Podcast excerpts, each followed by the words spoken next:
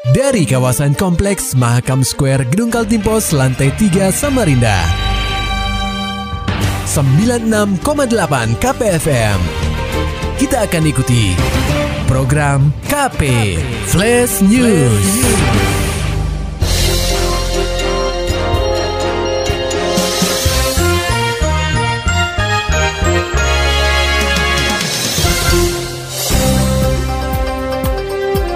Dua dari sembilan orang yang diamankan akibat berbuat anarkisme saat unjuk rasa di depan gedung DPRD Kaltim pada Kamis 5 November 2020 resmi ditetapkan sebagai tersangka oleh pihak polisian.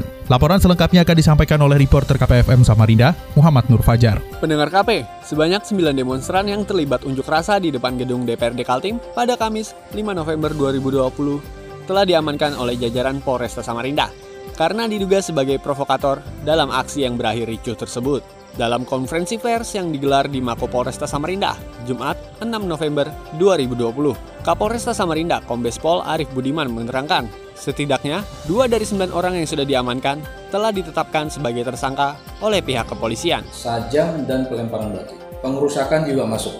Jadi ada, ada tiga, tiga jenis pak ya? Ya, Kerusakan, pelemparan batu dan sajam. sajam. Dua orang pak ya Dua orang. Masih nanti akan kita kembangkan lagi. Ada kemungkinan bertambah. Akan ada kemungkinan bertambah. Total saat ini berapa yang Sembilan orang yang kita amankan. Sembilan orang. Ya. Arif membeberkan, dua tersangka yang diamankan berstatus mahasiswa dengan inisial WJ dan FR.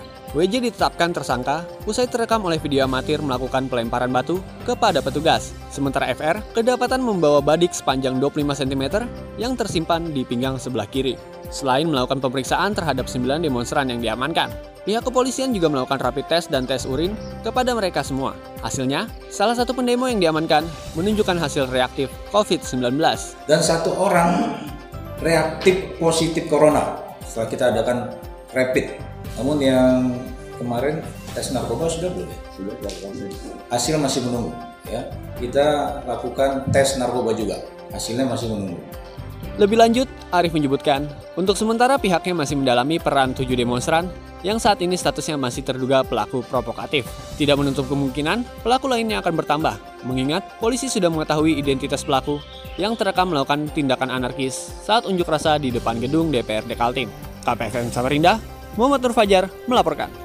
Berita selanjutnya pendengar KP, Badan Narkotika Nasional Provinsi atau BNNP Kaltim mulai menerapkan pembayaran bagi masyarakat umum yang hendak melakukan tes urin. Kabit Rehabilitasi BNNP Kaltim Iwan Setiawan mengatakan, hal tersebut mulai diberlakukan berdasarkan peraturan pemerintah atau PP nomor 19 tahun 2020 mengenai jenis dan tarif atas jenis penerimaan negara bukan pajak atau PNPB yang berlaku pada Badan Narkotika Nasional. jenis dan tarif penerimaan bukan pajak ya untuk pemberian SKPN kepada masyarakat. Yang tadinya gratis ya sekarang sudah dipungut oleh negara sebesar 290 ribu rupiah Berdasarkan aturan baru ini, Iwan menambahkan BNNP Kaltim akan memungut biaya sebesar Rp290.000 untuk satu kali tes urin. Ini dilakukan lantaran penyediaan alat tes urin tidak lagi dipersiapkan oleh masyarakat, melainkan dari BNN langsung. Meskipun begitu, tidak semua masyarakat harus membayar jika ingin melakukan tes urin. Iwan menjelaskan bagi masyarakat yang tidak mampu dan memiliki anak untuk melanjutkan pendidikan ke jenjang yang lebih tinggi, mereka akan diberikan keringanan agar tidak perlu membayar biaya tes urin. Ya kita kita hanya apa ingin lihat mereka surat keterangannya tentang perihal tersebut.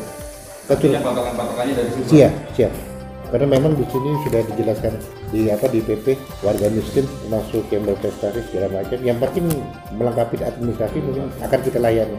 Lebih lanjut, ketentuan ini akan berlaku terhitung sejak Kamis 5 November 2020, di mana hal ini hanya berlaku di BNN masing-masing provinsi ataupun kabupaten dan kota. Sementara itu pendengar KPFM, Komisi 4 DPRD Kaltim tegaskan pentingnya sertifikasi keahlian bagi lulusan vokasi.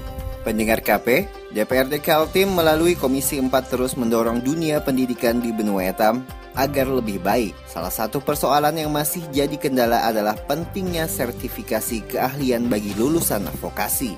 Ketua Komisi 4 DPRD Kaltim Rusman Yakub mengatakan, sejauh ini bidang pendidikan memang tengah memprioritaskan peningkatan sarana dan prasarana. Menurut Rusman, Kaltim tidak bisa sekedar memberikan ijazah kelulusan kepada siswa-siswi yang berasal dari sekolah vokasi. Sebab di masa depan, dunia industri justru membutuhkan sertifikasi keahlian. Dia berpendapat ijazah tidak laku di pasar industri. Terlebih lagi, persaingan akan semakin sengit dan jumlah pencari kerja yang diprediksi semakin membludak. Rusman turut menegaskan bahwa semua dunia industri di masa depan mengacu pada era digitalisasi. Kita itu satuan pendidikan vokasi kita itu, itu kalau perlu itu bisa mendirikan LSP di masing-masing sekolah itu. Tapi uji kompetensinya itu di, di luar dari sekolah itu. Jadi nanti di SMK itu dua, dua, dua bentuk surat yang diterima siswa itu. Ada ijazah kelulusan dan ada sertifikasi keahlian. Ketua Komisi 4 DPRD Kaltim Rusman Yakub juga menyebutkan, pasar industri akan segera memiliki standarisasi mutu atau ISO. Bicara soal ISO, maka yang paling dibutuhkan adalah sertifikasi keahlian. KPFM Samarinda, Maulani Al-Amin melaporkan. Berita selanjutnya pendengar KP, pembangunan fisik kantor Dinas Perpustakaan Kota Samarinda yang berlokasi di Jalan Kesuma Bangsa hampir rampung. Wali Kota Samarinda, Sari Jaang memastikan pengerjaan gedung yang berseberangan dengan kompleks balai kota itu bisa selesai pada akhir tahun. Sementara itu, pelaksana tugas atau PLT Kepala Dinas Perpustakaan Samarinda, Nur Hikmah menerangkan, pembangunan gedung terbagi menjadi dua, dia menyebutkan ada bangunan yang difungsikan untuk kegiatan manajemen, sedangkan gedung lainnya dihadirkan untuk layanan masyarakat. Nur Hikmah melanjutkan, di gedung tersebut bakal dilengkapi dengan fasilitas ruang teater dengan kapasitas 50 orang. Dinas Perpustakaan bakal menyuguhkan film-film bertema pendidikan bagi pengunjung. Kemudian ada ruang teater, di situ nanti bisa kita ada pertunjukan film pendidikan dan seterusnya. Itu kapasitasnya 50. Kemudian ada kafe, jadi kafe itu nanti kalau ada uh, gedung layanan yang untuk yang buku sudah ada, mereka bisa santai di situ sambil baca dan seterusnya istirahat. Dijelaskan Nur Hikmah, pihaknya masih mengusulkan untuk pengadaan buku. Rencananya, koleksi buku-buku di perpustakaan itu akan diperbarui setiap tahun. Beralih ke dunia olahraga pendengar KP, Federasi Olahraga Karate Do Indonesia atau Forki Kaltim menggelar musyawarah provinsi atau Musprof di salah satu hotel di Jalan Sentosa pada Minggu 1 November 2020. Beragam pokok bahasan penting diperbincangkan dalam Musprof tersebut. Salah satunya adalah memilih ketua Forki Kaltim masa kerja 2020-2024. Adalah Seno Aji yang terpilih menjadi ketua Forki periode baru. Seno memang diproyeksi memimpin organisasi cabang olahraga karate mendatang. Tidak ada calon lain yang maju dalam Musprof tersebut. Saat dikonfirmasi lewat saluran telepon, Seno Aji yang juga dikenal sebagai anggota DPRD Kaltim itu mengatakan dirinya siap membawa tim Karate Kaltim menuai prestasi di Pekan Olahraga Nasional atau PON ke-20 di Papua mendatang. Sesuai dengan visi misi saya yaitu Forki Kaltim Emas. Hmm. Nah, emas sendiri punya makna uh, energik, mandiri, amanah, dan sinergi. Nah, kita di sini uh, yang utama adalah Eh, tempat latihan atau training center. Ketua Forki Kaltim terbaru Seno Aji juga menyebutkan dirinya bakal mengadakan turnamen karate virtual dalam waktu dekat. Maulani Alamin, Muhammad Nur Fajar, KPFM Samarinda. Serta dapatkan berita-berita selengkapnya di www.968kpfm.co.id. Demikian tadi telah kita simak rangkaian berita-berita yang terangkum dalam program KP Flash News. Persembahan dari 96,8 KPFM. Terima kasih dan sampai jumpa.